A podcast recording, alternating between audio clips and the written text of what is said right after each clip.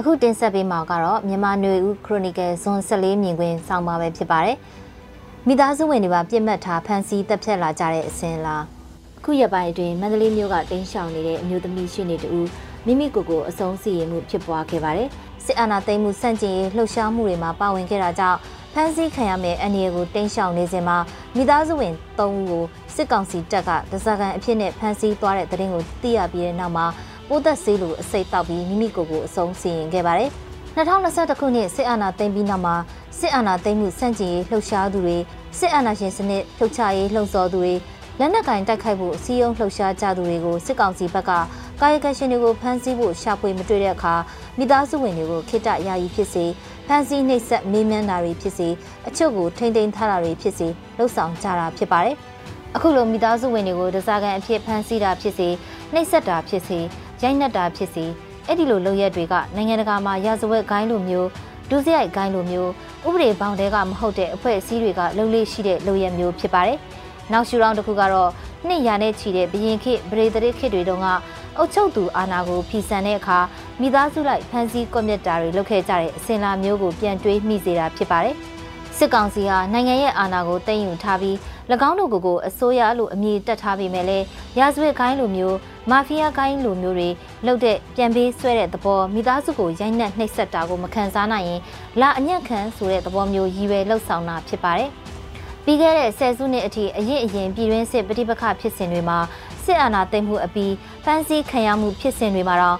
အခုလိုမိသားစုဝင်တွေကိုပါတင်ကြုံဖမ်းဆီးတာ နှိပ်စက်မေးမြန်းတာဒဇာကန်လုပ်တာတွေကြဲကြဲပြန့်ပြန့်မရှိခဲ့မတွေ့ခဲ့ရပေမဲ့အခုဒီချိန်မှာတော့စစ်ကောင်စီဘက်ကစတင်လှုံ့ဆော်လာတာဟာပိုဆိုးရတဲ့အစင်လာတွေချမှတ်တယ်လို့ဖြစ်စေပြီး၎င်းတို့နီလန်းမျိုးနဲ့လက်နက်ကင်ပုံကန်သူတွေဘက်ကလည်းတံပြန်လှုပ်ဆောင်မှုတွေကိုဖြစ်ပေါ်စေတာဖြစ်ပါတယ်ပြီးခဲ့တဲ့တစ်နှစ်တာကာလအတွင်း PDF ဘက်ကလည်းစစ်ကောင်စီတပ်အရာရှိမိသားစုဝင်တွေကိုလှုပ်ကြံတပ်ဖြတ်တာ ရဲထွေအုပ်ဝန်ထမ်းမိသားစုဝင်တွေကိုပါပြစ်မှတ်ထားလှုပ်ကြံတပ်ဖြတ်တာတွေစကိုင်းတိုင်းနဲ့အခြားသောတိုင်းနဲ့ပြည်နယ်တွေမှာတွေ့လာရပါတယ်။စကိုင်းတိုင်းကကြေးဝအချို့မှာ PDF တွေကဒလန်ရှင်းရေးလှုပ်ဆောင်ကြရမှာလဲမိသားစုဝင်တွေပါတပ်ဖြတ်ခံရတဲ့အဖြစ်အပျက်တွေအတော်များများဖြစ်ပွားခဲ့တာသတင်းတွေမှာတော့၎င်းအချို့သောမင်းမြန်သိရှိရချက်တွေအရတော့၎င်းကြားသိခဲ့ရတာဖြစ်ပါတယ်။စစ်ကောင်စီဘက်ကစစ်တပ်လုံဒိန်းပြူစောထီးတွေက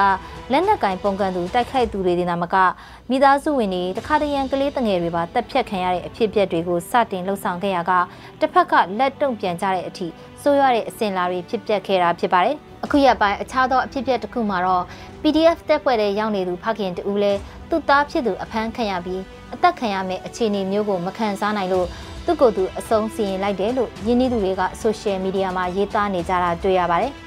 ခုကာလမှာတရားမျှတတဲ့ဥပဒေတွေမစိုးမိုးနိုင်တာဥပဒေနဲ့ကင်ဆွဲပြီးမပြောဆိုနိုင်တာကအငင်းပွားကြမရှိတန်တရားမရှိပေမဲ့လည်းနိုင်ငံရေးပြဿနာလက်နက်ကင်ပဋိပက္ခရာဇဝတ်ကိုင်းတွေတပွဲပြုမှုကျင့်သုံးလာကြတာမိသားစုတွေကိုပါပြစ်မှတ်ထားဖမ်းဆီးလှုပ်ကြံလာကြတဲ့အစဉ်လာအထိဆိုးရတဲ့အခြေအနေမျိုးထိမြန်မာနိုင်ငံအခြေအနေကရောကျနေပြီလားလို့အရေးတကြီးမေးခွန်းထုတ်စရာဖြစ်လာနေပါတယ်။တနည်းအားဖြင့်နိုင်ငံရေးချွတ်ချုံကြခြင်းလို့လည်းကောက်ချက်ချကောင်းချနိုင်ပါလိမ့်မယ်။ စစ်ကောင်စီအနေနဲ့နိုင်ငံရေးနီလန်းစစ်ရေးနီလန်းတွေကိုတုံးဆွဲရမှာအောက်တန်းအကြဆုံးပြည်သူတွေခေဥပဒေတွေလှုပ်ထုံးလုံနည်းတွေဘာမှအရေးစိုက်စရာမလိုတဲ့ခင်မျိုးသို့သည်မဟုတ်သူစရိုက်ဂိုင်းတွေတပွဲတစ်ဖက်နိုင်ငံရေးအတိုက်ခံအဖို့အကြောက်တရားကြီးကြီးမားမားရစေပြီးအရှုံးပေးအညံ့ခံလာဖို့ရည်ရွယ်လှုပ်ဆောင်ပေမဲ့လက်တွေ့မြေပြင်မှာတော့အလားတူလက်တုံပြန်မှုတွေကြုံတွေ့ရလာနိုင်တာဖြစ်ပြီးဘယ်တော့မှအစင်လာမဖြစ်ခဲ့ဘူးတဲ့မိသားစုဝင်တွေဆွေမျိုးသားချင်းတွေအထိလက်စားချေလက်တုံပြန်တဲ့အစင်လာမျိုးတွေ မြန်မာနိုင်ငံရေးမှာစတင်လာနေတာတွေ့မြင်နေရပြီဖြစ်ပါတယ်။အခုတင်ဆက်ပေးခဲ့တာကတော့